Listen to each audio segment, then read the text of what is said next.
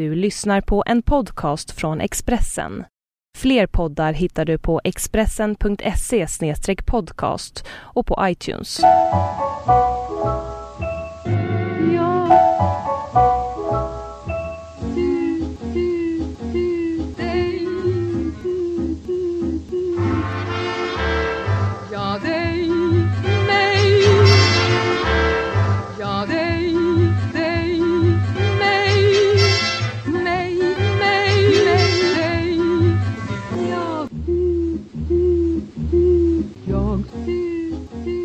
Ligga med Brodrej. Nu ligger jag här på, i en dubbelsäng och tittar i taket och vid min högra sida ligger Helena Granström utsträckt. Jag har fått, jag har fått komma in faktiskt i ert, ert sovrum. Tack för det Helena. Du är författare och dramatiker. Och inför det här samtalet så pratade vi om lite olika saker. Men bland annat så föreslog du att jag skulle läsa en novell som du också skickade till mig. Ehm, varför gjorde du det? Jag, jag var intresserad av att höra vad du skulle tänka om den tror jag. Ja. Det är nog den av mina böcker som jag själv förstår minst av. Ah. Ja, jag, alltså jag, jag läste den. Den heter Skördebrev och kom ut eh, 2011. Jag läste den på tåget mellan eh, Göteborg och Skövde.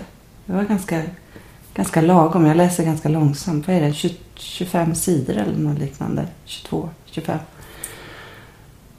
Och det känns som att jag eh, såg en film. Eller har sett en film. Ehm, av, jag vet inte vem som har gjort den. Du har gjort den men jag kommer att tänka på Mikael Haneke eller ja. och så kommer jag att tänka på en eh, kort intensiv eh, inte deckare snarare spänningsroman som heter Mordbyn av vad heter hon? Andrea Schenkel tror jag. Det är någon konstig sammanblandning av de sakerna. Men eh, ja, väldigt mycket bilder. En fascinerande berättelse. Men vad skulle du säga att du har skrivit? Mm. Eh, Ett centralt tema tror jag för mig i den boken är... Det är ett jag, den är skriven i brevform. Så det är ett jag som skriver till ett du som, som på något vis har gått förlorat för henne. De har haft en relation eh, längre tillbaka i tiden. Eh, men han verkar inte vara närvarande längre. Men det här eh, skrivande jagets förhållande till sin kropp eh, tror jag var centralt för mig när jag skrev den. Och, och, och kanske också eh, någonting med eh, omvandlingen av, av omvärlden. Alltså hur människan eh, hela tiden omskapar sin naturliga omgivning. Eh, så att man till slut bara ser sig själv när man, Eh, när man tittar sig omkring. Det är som... I början, alltså det är, det är ju en kvinna, en, en väldigt fet kvinna upp, fattar jag det som i början. Eller hon väller liksom över alla gränser. Jag vet inte om hon gör det på riktigt eller om det är bara hennes alltså perceptionen av sin egen kropp. Men, eh, och sen väldigt, alltså sitter mycket, mycket stilla. Och sen är det en, en, en liten, någon gosse där som är rörlig, som rör sig fram, ut och in och eh, allt längre bort ifrån henne.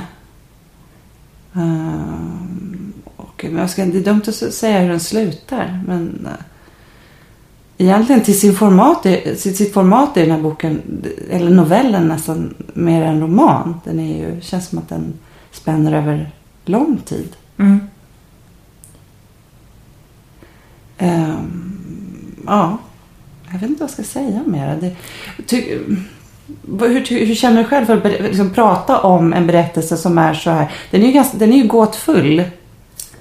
Ehm, Ja, nej precis. Skälet till att jag läsa den var att jag själv inte, inte har någonting att säga om den egentligen. nej. Ehm, kanske den här pojken är ju på något vis tror jag...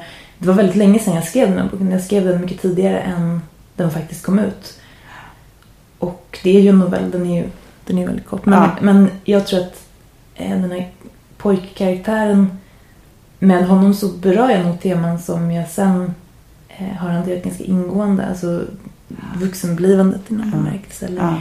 förlusten av, av någon slags eh, tillstånd som man befinner sig i tidigt i livet. Men Mm. som inte ryms inom ramen för det vi förstår som vuxenliv. Mm. Det är ju också någon annan förvandling. Alltså jag tycker ju att hon är, eller hon, hon är ju en kossa också. Hur har du det själv med eh, kossor? Eh, jo, jag, träff, jag träffar ganska mycket kor. Eh, faktiskt. Ja. Ja. Ehm, Var då gör du det? ute i Roslagen. Vi har några nära som vi brukar mata med maskrosblad. Vad tycker du om kor? Vad känner du för det djuret? Jag tror att som jag har tänkt på kor. Och kanske när jag skrev den här boken också. Så jag tror att det, det var någon som hade läst den som sa till mig att hon var övertygad om att det var en ko. Som var berättarjaget. Ja. Eh, Och för mig är det bara en väldigt stark bild. Men jag tror att det är centralt att det är ett tamdjur.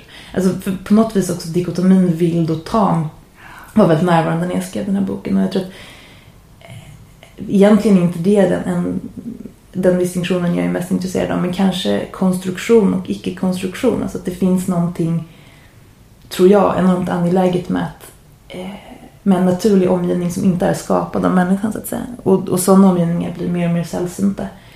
Eh, och då handlar det just om det för mig. Att, att, att kunna vända sig till någonting som är genuint annat. Att inte bara hela tiden se sig själv återspeglad när man, eh, när man ser sig omkring.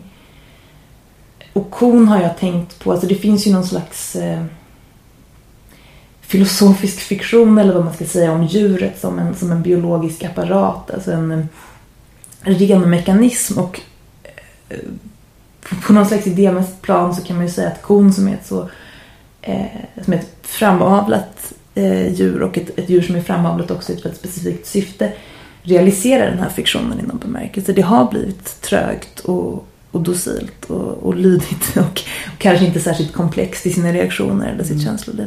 Eh, sen tycker jag att, att man lämnar den idén lite grann när man eh, ställs inför en verklig ko. För jag tycker att det finns en viss grad av komplexitet bevarad. Men, men jämfört med ett vilt djur så har man ju berövat det väldigt mycket. Det här kan ju låta jättekonstigt men jag tycker att det finns ett systerskap. Alltså, måste jag säga. Jag har alltid känt det så. Med kor.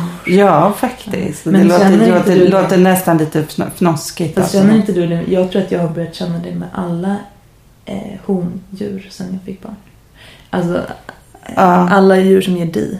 Då tycker jag att man känner att... Det har jag tänkt på det med får. Ja. Jag tycker inte att... att och, Att och, och med- modersinstinkten överhuvudtaget. Jag tycker att det är meningsfullt att prata om en sån. Verkligen. Och jag tror att den är artöverskridande. Jag tror att, att, ehm, att moderskapet väcker ex, extremt starka känslor. ehm, inte bara i människor.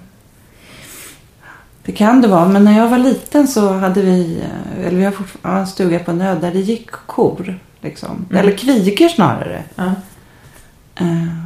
Och de var väldigt eh, tillgivna och intresserade. Liksom. Alltså tittade på en med så stora ögon. Och, eh, och det var ju långt innan, jag kanske inte gick där och upplevde systerskap. Men det var ändå, de, de var också liksom, de växte och blev, ja du vet. Jag var också, jag var ett barn och det var de på sätt och vis också. Och de var alltid där och ja. Mm. Ja, Jag känner stark äh,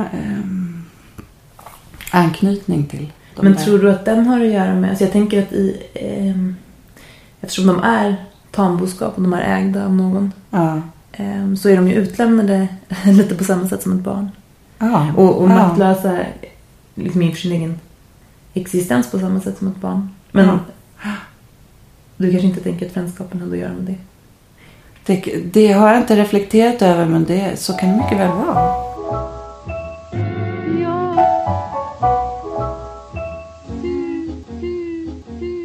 Din femte bok, Hysteros, skildrar en graviditet och den har också precis som Skördebrev lämnat efter sig starka bilder hos mig. Kan du ja, berätta lite om boken?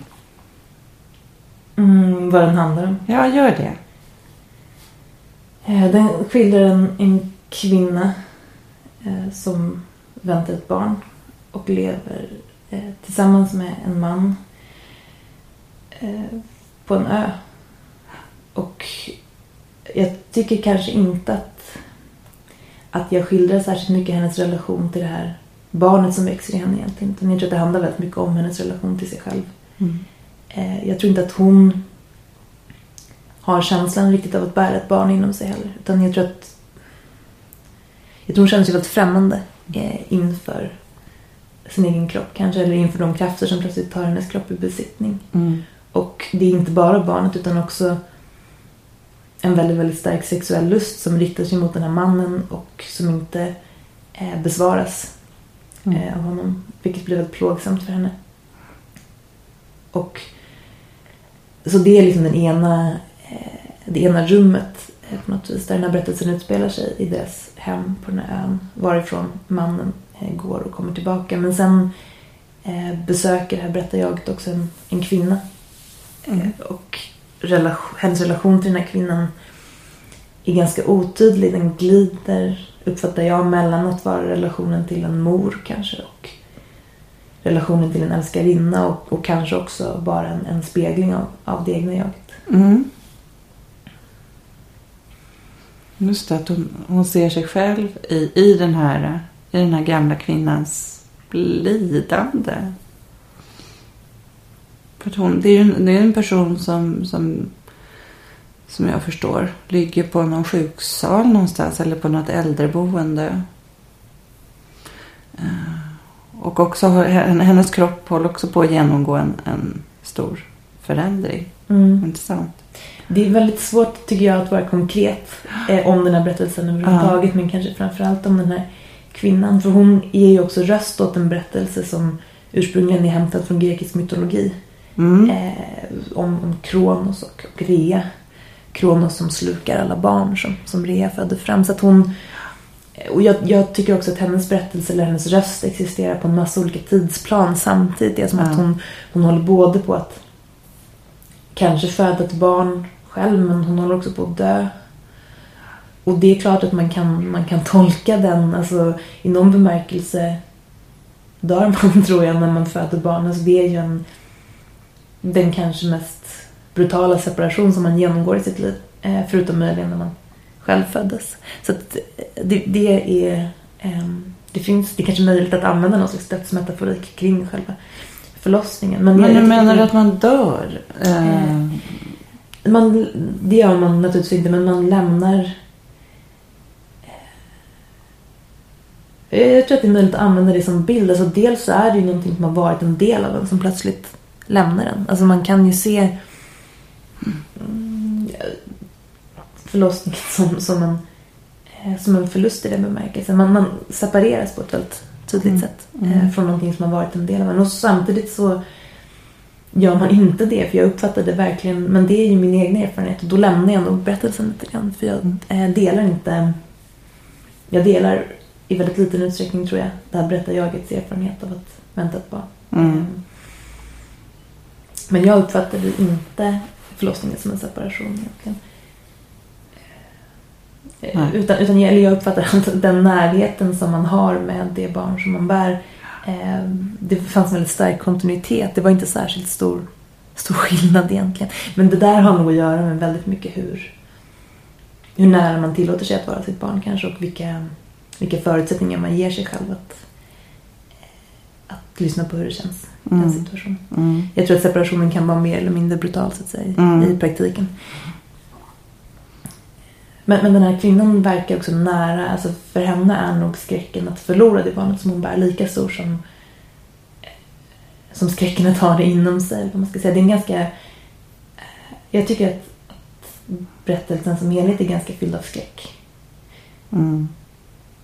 Barnet finns med på olika sätt i, i ditt författarskap. Mm. Eh, och 2010 så skrev du någonting som heter Barnsliga manifestet. Varför skrev du den boken? Mm, jag blev tillfrågad eh, om att skriva ett manifest. Det var en del av, av Inks manifestserie. så då hade jag hade ju inte... Då insåg jag bara plötsligt att, att det var det jag ville skriva. Ja. Och då hände det väldigt mycket tror jag. Eh, det var, det var väldigt... Jag tror att mycket förändrades i hur jag tänkte precis då. Det var som att den, den boken hjälpte mig för mycket att, att komma, eh, jag vet inte framåt, men komma vidare på något sätt i, eh, i mitt tänkande. Och då blev barnet, det blev en, en central symbol. Det, kanske, det hade nog varit det som jag sa redan i Skölby. Det hade nog varit det redan tidigare och eh, det har fortsatt vara det. Men det jag gjorde i den boken var på något sätt att använda alltså, dikotomin barn-vuxen som en, betrakta den som en variation på, på en massa liksom, kulturbärande dikotomier. Alltså eh, civiliserat och vilt till exempel, eller man och kvinna. Mm. Det blev väldigt fruktbart tyckte jag att göra det. Alltså, jag, det jag tyckte mig se när jag eh, började förhålla mig till idén om att barn är att vi att, att vuxenheten, den liksom civiliserade vuxenheten som vi förstår den på något vis eh, behöver en, en, negativ definition hela tiden för att, för att konstruera sig själv och att barnet är liksom väldigt användbart eh, som en sån negativ definition. Man för över en massa egentligen en massa aspekter av, av mänsklighet på, på barnet mm. och eh, avlägsna dem Eh, på samma gång då från det vi förstår som vuxenhet. Och ehm, så därför tyckte jag att det var, det var intressant att se vad man, vad man beskriver som barnsligt eftersom det är de sidor av mänskligheten som liksom inte riktigt ryms inom vår kultur.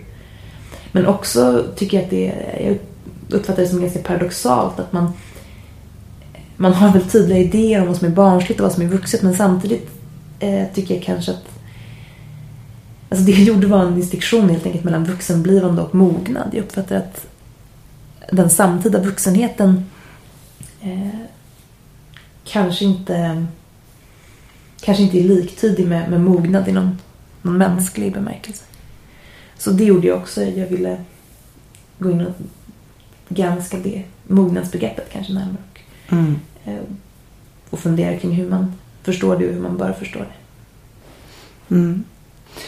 Jag vill bara ta upp en tråd från något du sa för en stund sedan. Och det här med att man dör eh, när man eh, föder barn. Om jag bara eh, ska överföra det på det här med att bli, bli vuxen. Så är det ju, man dödar ju barnet. Mm. Och man, det, man dödar, ens fantasi eh, dödar man också gradvis. Mm. Precis, och det tror inte jag är en så att säga, biologisk nödvändighet. Utan det tror jag är en, en kulturell nödvändighet. Mm att den vuxna liksom inte kan vara en inte kan fortsätta bära det här barnet inom sig på något vis, utan att det måste just eh, det måste just dö mm. för att man ska kunna eh, komma vidare. Men jag tror att det kanske har att göra med eller det har naturligtvis att göra med en massa saker men kanske framförallt att vår tillvaro inte är en som uppmuntrar att man ska känna efter så mycket. Jag tror att det blir ganska problematiskt mm. eh, om man känner. Så att då måste man lära sig att sluta göra det och då är det ju eh, ja, då är det mycket man måste vänja sig av med helt enkelt. Mm. Mm. Mm. Och det finns ju alltså det vi ser på som som uppfostran till exempel har ju extremt starka drag av disciplinering även om det har det i mindre utsträckning, alltså det är mindre tydligt än vad det var för hundra år sedan till exempel så, mm. så är det ju fortfarande tycker jag om man anlägger ett utifrån perspektiv på det väldigt, väldigt tydligt. Alltså bara att gå i skolan är ju på ett fysiskt plan en väldigt tydlig, tydlig disciplinering. Man är tvungen att sitta still på bestämda tider som liksom reglerar, eh, reglerar ens liv snarare än inre rytmer. De är liksom helt sekundära i relation till det här yttre schemat som man infogar sig i enormt tidigt. Mm. Eh, så den där disciplineringen, alltså barnuppfostran har ju på något vis som syfte att producera vuxna som fungerar i det samhälle som vi lever i idag. Det är ju liksom hela, eh, det är hela syftet. Mm. Och om man eh, frågar sig vilken typ av individ som är funktionell i vårt samhälle så är det till exempel en som går till jobbet på bestämda tider. Eh, det är en som inte har så stora behov av en autonomi eh, i sitt personliga liv på något mm. sätt. Så att, ehm, jag tycker att man ofta får höra argumentet att eftersom man ändå förr eller senare ska infogas i samhället så är det liksom lika bra att göra det så tidigt som möjligt. Jag Ehm, jag menar, med den argumentationen så är det ju lika bra att tvååringarna kan sitta framför datorn. För det är ändå den typen av färdigheter de behöver och det kommer de göra resten av sitt liv. Mm. Så varför inte börja så tidigt som möjligt? Att, ehm, och jag tror att jag tänker på det tvärtom. Jag tänker att måste man, eh, måste man disciplinera så kan man åtminstone göra det så sent som möjligt så att man fortfarande har så att man har så goda möjligheter som det bara går att förhålla sig kritiskt till det. Mm. Åtminstone reflektera kring det kanske. Betyder det att du måste liksom vara med väldigt mycket och, och, och, och säga, skydda eller, eh, ditt barn? För... Fast det blir också helt förfelat. Alltså jag tror inte att... Eh, men det där är också svårt. För jag vill inte förmedla till henne att, att världen är någonting som man måste skyddas ifrån. Nej. Men det ställer ju ganska stora krav på omgivningen. Alltså jag tror att det är svårare i stan till exempel än på många andra platser. Att, att förmedla en känsla av att världen är en trygg plats. Mm. Mm. Jag tänker på... Mm, nu, det kan vi väl prata lite grann om, tycker jag. Att eh, din pappa och, och eh, jag är kusiner. Mm. Eh, så att eh, vi har samma farfar och farmor. Eh, och de, eh, de är ju borta sedan länge. Och våra pappor, eh, så vad blir det? Din, din farfar och min pappa är ju eh, också borta. Eh, men eh, min farfar då, alltså min farfar, och han, och han, var, han var lärare. Eh, han hette Arvid och han var en väldigt snäll eh, lärare förstår jag. Jag har, träffat en person som, har, som hade honom som lärare och kunde berätta det. Eh, han, var vänlig och barnen tyckte om honom. Men min farmor var en väldigt sträng och respektingivande kvinna. Så att jag tror att min pappa och din pappa, snurrar över hans släkte, blev strängt eh, uppfostrade. Nej, inte din. Min farfar. Ja, just det. Mm. Eh, blev, ja, precis, din farfar och min pappa blev, hade en, en sträng uppfostran. Ehm, sen vet inte jag väldigt mycket om dem. ehm, annat än att min farmor brukade, när jag kom hem dit eh, någon gång, det hände några få gånger så var hon noga med att, sätta upp, att jag skulle sätta upp mitt hår. Liksom. Hon tyckte inte att håret skulle inte hänga och slänga. Utan hon tog alltid tag i mitt hår och liksom satte fast det i, i nacken så här. Så att jag förstod att det där var bättre. Det, det, jag har inte så mycket andra minnen tyvärr. Men farfar, apropå att vill behöva en autonomi. Så på somrarna när de var i stugan på ön uppe i Ångermanland. Så brukade han alltid en gång om dagen gå iväg till en, en liten badsten. Han satte på sig sin badrock. Och så gick han till en badsten. Och så rökte han och badade. Eh, ja. Vet inte, jag vill komma med det. Men jag bara kommer att tänka på det när du pratar om den här autonomin. Och det är så konstigt att bara ha det, den lilla eh, det, det lilla ynkliga minnet av en. Det är något med bad kanske. För jag tror att mitt starkaste minne av min farmor är de, de läten som hon gav ifrån sig när hon morgonbadade. far, ja, din farmor. Just det. Ja, De läten hon gav. Ja, hon, hon badade. Hon älskade ju att bada. ja. Jag tror hon badade kanske tills hon dog. Hon badade väldigt, väldigt länge. Så hon var ganska gammal. Så hon var liksom skröplig och skulle ner i vattnet. Ja. Stappla sig ner. Och Ja. det var svinkallt. Men det var liksom lustfyllda stånkanden på något sätt. ja. Har du något minne av farfar då? Nej, nästan inte. Alltså, Men han var ganska sjuk tror jag när jag var så stor. Ja. Jag minns att han satt i rullstol ungefär. Jag minns väldigt, väldigt lite. Ja. Han var ju min äldsta. Min, min, pappa, min pappa var lillebror och din farfar var alltså äldsta bror, brodern i den här syskonskaran. Mm. Eh, Och jag minns att han... eh, Han var, han var också respektingivande. eh, Men han var också han hade väldigt mycket humor. Och han kämpade på. Han kämpade på med sin reumatism i, under en lång, under väldigt många år.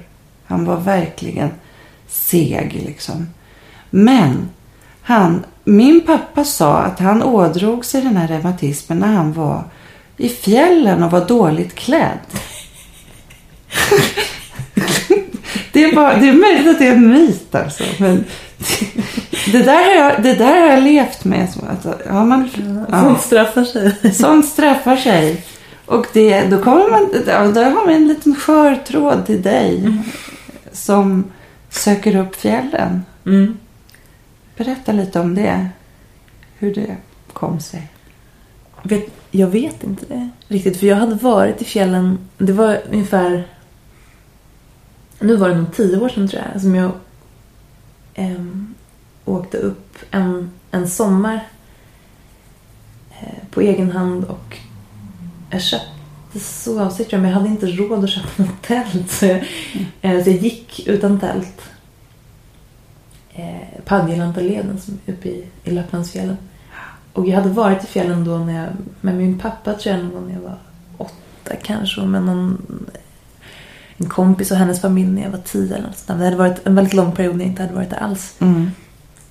Men, men så åkte jag upp eh, för att gå. Det är väl en, en veckas vandring kanske. Mm. Så det var någon slags vansinnesprojekt. Jag sov under en buske nere i björkskogen första natten. Men, och Oj, det, hade du dålig, dåliga kläder? nej, jag hade Nej. bara i mitt tält. Så hade bara, Nej. nej.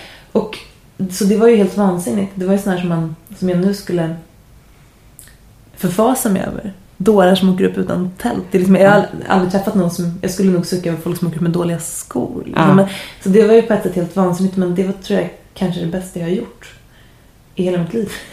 och jag fick en sån enormt stark känsla av att vara hemma på ett sätt som jag, som jag tror att jag aldrig har fått där jag faktiskt har bott. Men så det var, ju- det var ju både, man är ju väldigt, väldigt ensam eh, när man åker upp Mm. ensam. Men sen mötte jag också människor där som, eh, som lät mig sova sådär på golvet i en, någon gammal tältkåta. Eller så. Och det, alltså på ett sätt var nog känslan av att världen kan vilja en väl på något sätt. Eh, Mm. Inte, inte bara inte bara den icke-mänskliga omgivningen utan även den mänskliga. Det, eh, den känslan fick jag där och det hade jag nog inte haft på väldigt länge tror jag när jag åkte upp dit. Så det var som att jag, eh, att jag återvann någon slags tilltro till andra människor. Eh, eller åtminstone kunde, kunde börja försöka bygga en sån eh, igen som jag kanske hade förlorat tror jag. Eh, Mm. och också någon slags tilltro till mig själv.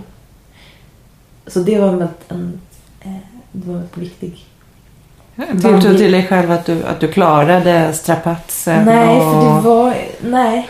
Eh, nej, det handlade Nej. inte om det. Snarare att jag klarade av att göra någonting som var gott för mig själv. Mm. Eller så. Mm. Och, men sen, sen dess har jag varit där uppe eh, väldigt mycket.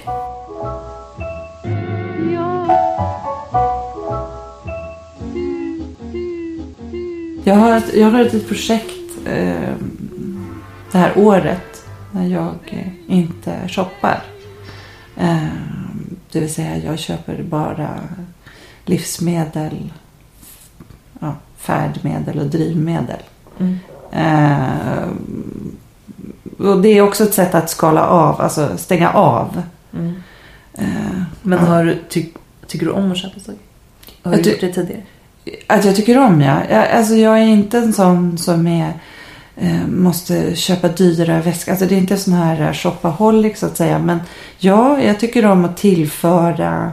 Alltså köpa fi, fina saker på Tradera. Eller du vet, gå och leta efter, fynda någonting. Ja, det kan man säga att jag tycker om det. Och att jag tyckte om det kanske lite för mycket. Och att det, det tog för mycket av min tid helt enkelt. Mm. Eh, eller tankekraft snarare. Att man, man passerar butiker där det står så här 70% rea så man, kunde jag liksom förr var det väldigt svårt att låta bli att gå in och titta om det kanske låg en halsduk där för jättebilliga pengar, jättefin kvalitet. Eh, Men nu bara har jag tagit bort det. Mm. Eh, Men du har kanske aldrig någonsin haft den eh, nöje, det nöjet av Nej, jag vet handla inte. saker till dig själv. Jag vet inte aldrig någonsin men nu skulle det liksom kunna gå ett år när jag går med trasiga byxor för att det är för jobbigt Ja, att gå in i en affär för att köpa några nya. ja. Så att eh, jag har inte problemet att jag handlar för mycket så kan man säga. Nej. Du, du har kanske det omvända. Ja, Du ska- Snarast. ja. Nej. Nej, det är, det är väldigt olika. Men jag, ska, jag kan säga att eh, i samhället i stort så har ju blivit, alltså shoppingen är ju en livsstil och det är väldigt, och du kommer väldigt fort i, eh, ja, barnen blir väldigt tidigt inriktade på det där. Mm. Så att eh, till slut måste man... ja, Jag kände till slut att jag var tvungen att göra någonting för att jag känner mig maktlös inför det. När tar det här året slut då? Eh, ja, snart. Mm. Men det känns ju Du som att jag aldrig vill hoppa på igen heller. Liksom. Jag funderar på om du ska prova ett datorfritt år. Ett datorfritt. Ja. Ja. Då, då kan jag ju inte jobba. Nej, du kanske kan ha en, någon slags undantagsklausul då för ordbehandling. Kan ju inte, du menar att jag inte ska kunna söka grejer på nätet? Nej, det kanske blir svårt att dra in Ja. ens. Eh, mobilfritt kanske? Ja, skulle det gå? Det tror jag. Ja. Eh, För det, det, har samma, det är samma tidsätare faktiskt. Mm. En annan sorts tidsätare. Eh, Men hur, ja, hur ser du på det? Hur ser du på... Du har så intressanta tankar om um, sådana här saker.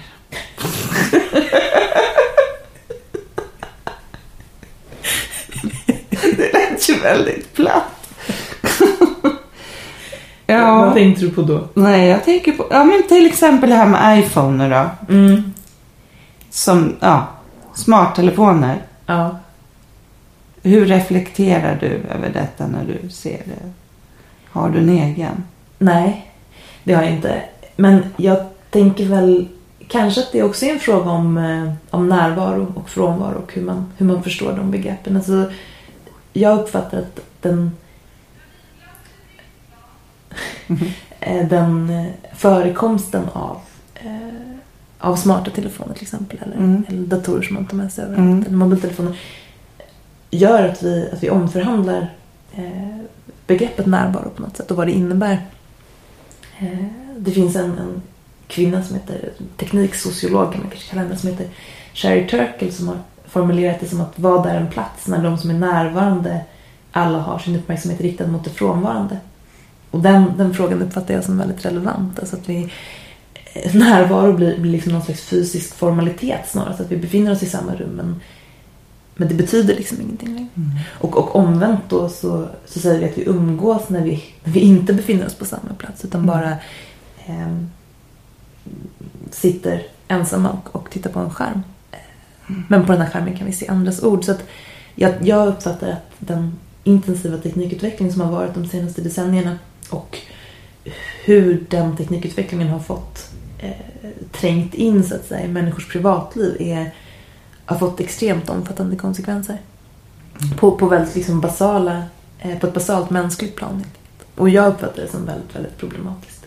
Särskilt som jag tror att, eller förlåt. Nej, nej, men särskilt som jag tror att förmågan till relationer och förmågan till kommunikation det är ju det är förmågor som man utvecklar genom träning på något sätt. Det handlar om, det handlar om färdigheter och ett, ett barn som, som växer upp mitt i det här med, med vuxna som, eh, som kanske ägnar mer uppmärksamhet åt sina mobiltelefoner än åt, än åt barnen. De kommer liksom inte få jag vet inte varifrån de ska få sin modell för vad, vad närvaro är till exempel, eller engagemang. Eller, Ehm, så jag uppfattar det som problematiskt också av det skälet, att det liksom fortplantar sig och jag tror att den utvecklingen kan gå väldigt snabbt. Alltså den förlusten av de här som jag uppfattar det som ganska grundläggande mänskliga förmågorna kan, kan gå väldigt snabbt.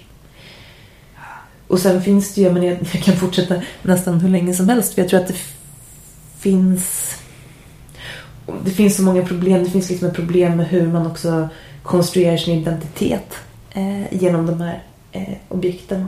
Och också kanske hur, ja men till exempel en smart mobiltelefon, vilken mobiltelefon som helst kan bli, eh, bli väldigt, väldigt laddad med, med känslor som kanske egentligen, känslor som egentligen borde riktas mot de som det här objektet är till för att förmedla en kontakt till dem, du förstår vad jag menar. Så det, är, det är lättare att investera sina känslor i ett dött ting än i en levande människa i någon bemärkelse. För att det, eh, tinget är så mycket lättare att kontrollera. Och det knyter an lite grann också till det barnsliga manifestet, eller till det jag har skrivit också om, om vår syn på omhändertagandet av små barn. För jag tror att det är någonting man, man lär sig i vår kultur eh, som spädbarn. Alltså väldigt, väldigt tidigt så är det just att relatera känslomässigt till ting. Eh, Det finns en natur- naturalisering till exempel av det som man inom psykoanalysen kallar övergångsobjekt. Alltså till exempel att ett barn blir enormt fäst vid en nalle eller vid en snuttefilt eller någonting sånt. Mm. Och, inom psykoanalytisk teori så, så är det här någonting helt, det är liksom ett universellt mänskligt fenomen som, eh, som har till funktion då att barnet hanterar sin separation från modern. Men eh, jag skulle vara benägen att säga att det snarare handlar om ett substitut. Att, att man ges inte den närhet man behöver och, ehm, och istället får man liksom fantisera den här närheten med hjälp av, med, med hjälp av ett dött ting. Så att man har, jag uppfattar att vi inom den här kulturen tränar vårt barn att väldigt, väldigt tidigt förhålla sig känslomässigt till ting. Och jag tror det här går att spåra till exempel i, i, i konsumtionskulturen. Ehm, det, Mm. det är helt enkelt en vana som, som vi grundlägger väldigt, väldigt tidigt och som också är ganska kongenial med hela vårt samhälle. Mm. Det är väldigt, eh, det är väldigt dystert måste jag säga. Eller? Är det? Jo, ja, det, det är ju dystert. Ja, men hur ska man kunna förhålla sig till det här? Hur ska man kunna hindra den här utvecklingen utan att eh, vara liksom en reaktionär eh, tant? Förstår du vad jag menar? Som, där, som springer... Men jag är ju en reaktionär tant.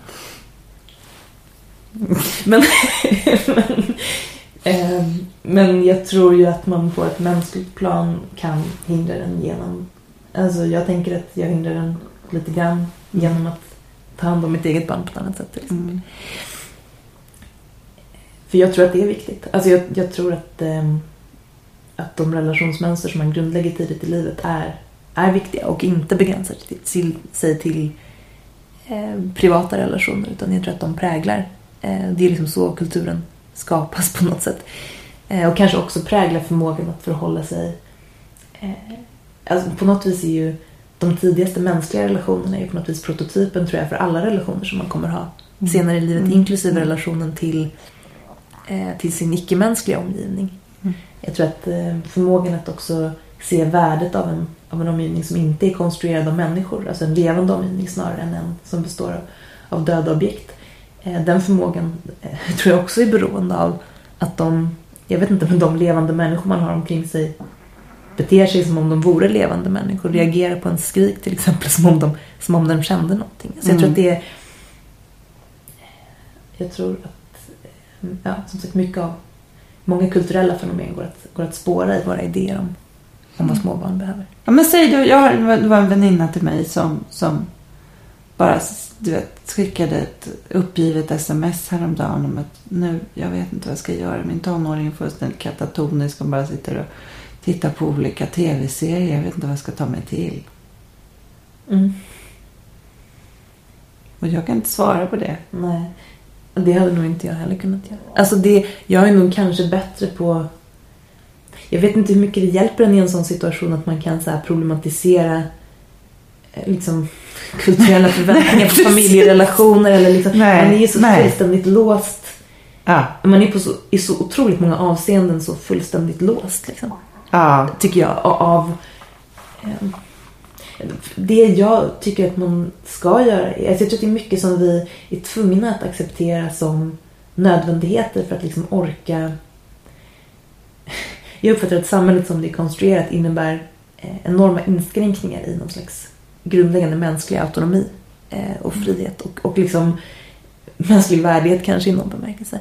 Och för att kunna upprätthålla ett normalt liv så är man tror jag tvungen att acceptera de här inskränkningarna som nödvändiga för att annars blir man ju så arg.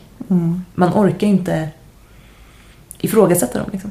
Vilka inskränkningar menar du då? Ja men till Alltså- exempel eh, ja, men att man förväntas förvärvsarbeta på heltid. till Ja. Det är en ganska stor inskränkning. Ja. Man tillbringar ju mer tid med människor som man inte har valt än vad man gör med de Ja. som man påstår att man delar sitt liv med. Liksom. man förväntas om man eh, ska ha en inkomst lämna sitt barn på dagis innan du börjar prata och Ja. gå. Liksom. Ja. Det, det finns ju en mängd sådana helt naturaliserade eh, men, men ganska eh, radikala på något vis. Eh, eh, alltså det, det, vi kan välja mellan så här 30 sorters tandkräm liksom, men vi kan inte välja om vi vill sälja vår tid eller inte. Det finns ju en man är ju infogad i en, i en Mm. penningekonomi oavsett Mm. om man vill eller Mm. inte. Jag skulle kanske vilja, om jag föredrog att, eh, att bli självförsörjande och odla min egen mat liksom, så är det kanske inte helt lätt att genomföra utan att köpa en gård och då måste jag ha Mm. pengar. Alltså man är ju väldigt, väldigt, Mm. de allra flesta i alla fall är Mm. ganska, eh, ganska fastlåsta i, eh, i samhällsstrukturen. Så jag tror att det viktigaste för mig är kanske att man eh, att, att, att ifrågasätta den här naturaliseringen av, av de här villkoren. Jag tror att det finns en sån berättelse och det är väl en berättelse som liksom det är väl på något vis eh, berättelsen om Alltså jag uppfattar att till och, med, till och med det samtida samhällsbygget på något vis hela tiden tar spjärn mot, mot den här skräckvisionen om det utomciviliserade tillståndet. Alltså att, att det här samhället som vi har är ett avancerat och civiliserat samhälle och det innebär vissa inskränkningar i den personliga friheten. Men allting annat vore mycket, mycket värre. Liksom. Mm. Och den, den berättelsen om, om människan på något sätt. Och att, den tycker jag är väldigt intressant och jag ser den, jag tycker den reproduceras man ser den reproduceras väldigt ofta till exempel på DNs ledarsida eller något sånt där. De, de förhåller sig ganska ofta till begreppet civiliserat på ett, som jag uppfattar, väldigt, väldigt problematiskt sätt. Krig till exempel, eh, det är ociviliserat medan det liksom historiskt sett är en, är en civiliserad företeelse. Så man har en ganska vag, man har ett ganska vagt och tendentiöst bruk av, av, av det här begreppet civilisation men, men som jag tror eh, Alltså jag tror att det här bruket är, det här vaga och tendentiösa bruket är, har, fyller en väldigt tydlig funktion. Eh, nämligen att, att rättfärdiga det samhälle som vi har idag. Mm. Och de historiska jämförelserna brukar liksom ofta ja, de brukar ofta handla om att se för hundra år sedan vad mycket värre det var då. Och har man det korta perspektivet så, så blir det ju många, Mm. i många avseenden bättre om man väljer att bortse ifrån att den här förbättringen av samhället liksom sker parallellt med att vi eh, förgiftar vår miljö eh, och förändrar vårt klimat. Mm. Men, men även om man, om man liksom väljer den selektiva blindheten så uppfattar jag det som problematiskt. Ja, du, Helena Granström. Nu har vi pratat eh, i nästan en timme. Och eh, vi måste nästan runda av. Jag vet inte hur vi ska runda av. Vi har, vi har, vi har varit farit i många olika ämnen. Men jag... Eventuellt, vad tycker, hur tycker du? Var tycker du vi ska landa? Ska vi landa vid den där badstenen? Jag tänkte fråga dig om du tycker om att bada. Jag älskar att bada. Det gör du också. Ka- gärna kallt. Mm. Eh, du då? Ja, men då är det någon slags släktdrag. Det måste vara släktdrag. Så, så en badrock och en cigarr och en egen badstol. Nej.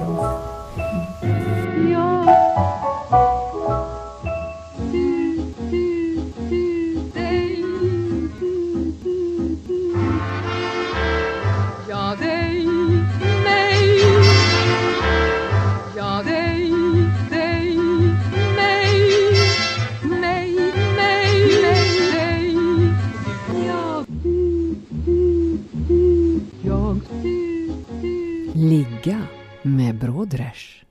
Du har lyssnat på en podcast från Expressen. Ansvarig utgivare är Thomas Mattsson. Fler poddar hittar du på expressen.se podcast och på iTunes.